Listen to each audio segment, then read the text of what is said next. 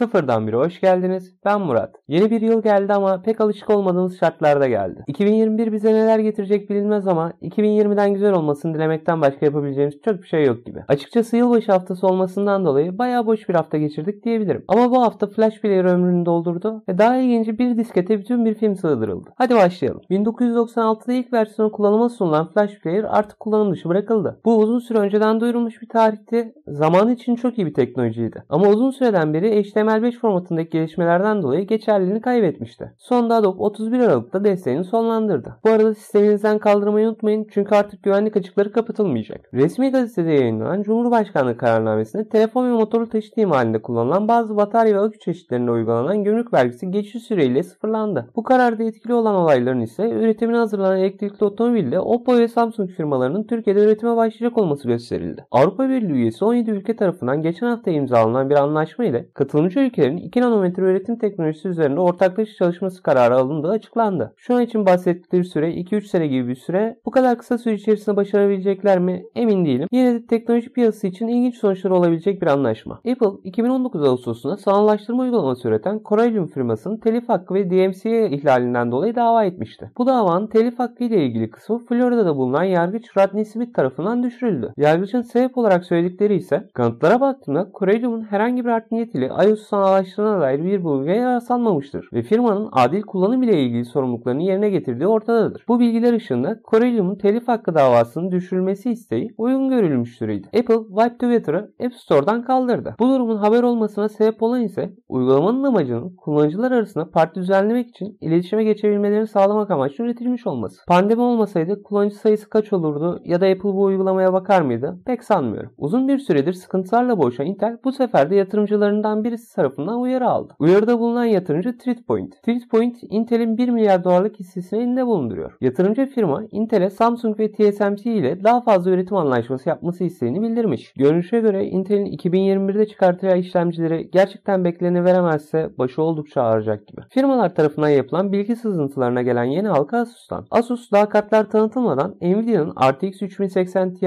ve RTX 3060'ını destek sayfalarına eklemiş durumda. WCCF Tech'e göre RTX 3080 Ti 20 GB GDDR6X RAM'e sahip olacakmış. RTX 3060 ise 12 GB GDDR6 RAM'e sahip olacakmış. Çinli Oppo'nun Türkiye'de üretim merkezi açığı açıklanmıştı. Tesisin yeri belli oldu. Dünya.com'un haberine göre üretim merkezi İstanbul Tuzla'da olacakmış. Hatta daha nokta atışı yapmak istersek eski tadım fabrikasının binasında olacakmış. Beklenen ise bin kadar kişiye istihdam sağlaması. Bu üretim tesisi Oppo telefonların fiyatlarına yansır mı ya da düşüş sağlar mı pek zannetmiyorum. Pek çoğumuz büyük boyutlu film dosyalarına alışmışken Reddit kullanıcısı Greedy Paint Shrek filmini floppy diskete sığdırmayı başardı. Başardı diyorum ama ileride bu olay araştırmacıların kafasını karıştırır mı bilemiyorum. Ama sıkıştırma oranları 120x96 piksel ve özel bir X265 video kodeksi kullanıyor. Saniyede ise 4 kare hıza sahip. Bu sıkıştırma ile Shrek filmi 1.37 MB boyuta inmiş durumda. Geçen sene Doom'un başına gelenleri hatırlıyorsanız galiba sıra Shrek'te. Boston Dynamics robotları dans etti. Bunu da araya sıkıştırmış olayım. Açıkçası bu gösteri biraz ticaret savaşının sonucu gibime geldi. Sebebi ise Çin 1976'da Sovyetler Birliği'nin Luna 24 görevinden sonra Ay'a giden ilk ülkeydi ve geri örnekler getirdi. Bu olayın yarattığı hareketlenme sırasında böyle bir gösteri yapılması beni o düşünceye etti diyebilirim. Eski oyuncuları birazcık heyecanlandıralım. Microsoft 2017'de Age of Empires 4'ün Relic Entertainment tarafından geliştirildiğini duyurmuştu. 2020'nin son haftasında Age of Empires serisinin genel müdürü Shannon Leftus tarafından yapılan açıklamada ise oyun şu anda tam olarak oynanabilir durumdaymış ve ekip hata düzeltmeleri ve oyun dengesi üzerine çalışmaya başlamış. Cobra hilesi yeni oyunda olur mu bilemiyorum ama eski oyuncuların özlediği bir oyun olduğu kesin. Age of Empires'a göre biraz daha yeni bir oyuna gidiyoruz ama yine eski bir oyun olacak. Stalker oyunu ek paketleriyle birlikte seri diyebiliriz gibi. Oldukça garip bir seriydi. Bir sürü hataya sahipti ama oyun denemiş insanlar arasında çok net bir ayrım oluyordu. Ya çok seviyorlardı ya da direkt berbat bir oyun diyorlardı. Geçtiğimiz hafta 2010'da açıklanan ikinci oyunun teaser videosu yayınlandı. Yayınlanan video oynanış videosu değil ama oyun geliştiricisi GSC tarafından yapılan açıklama oyunun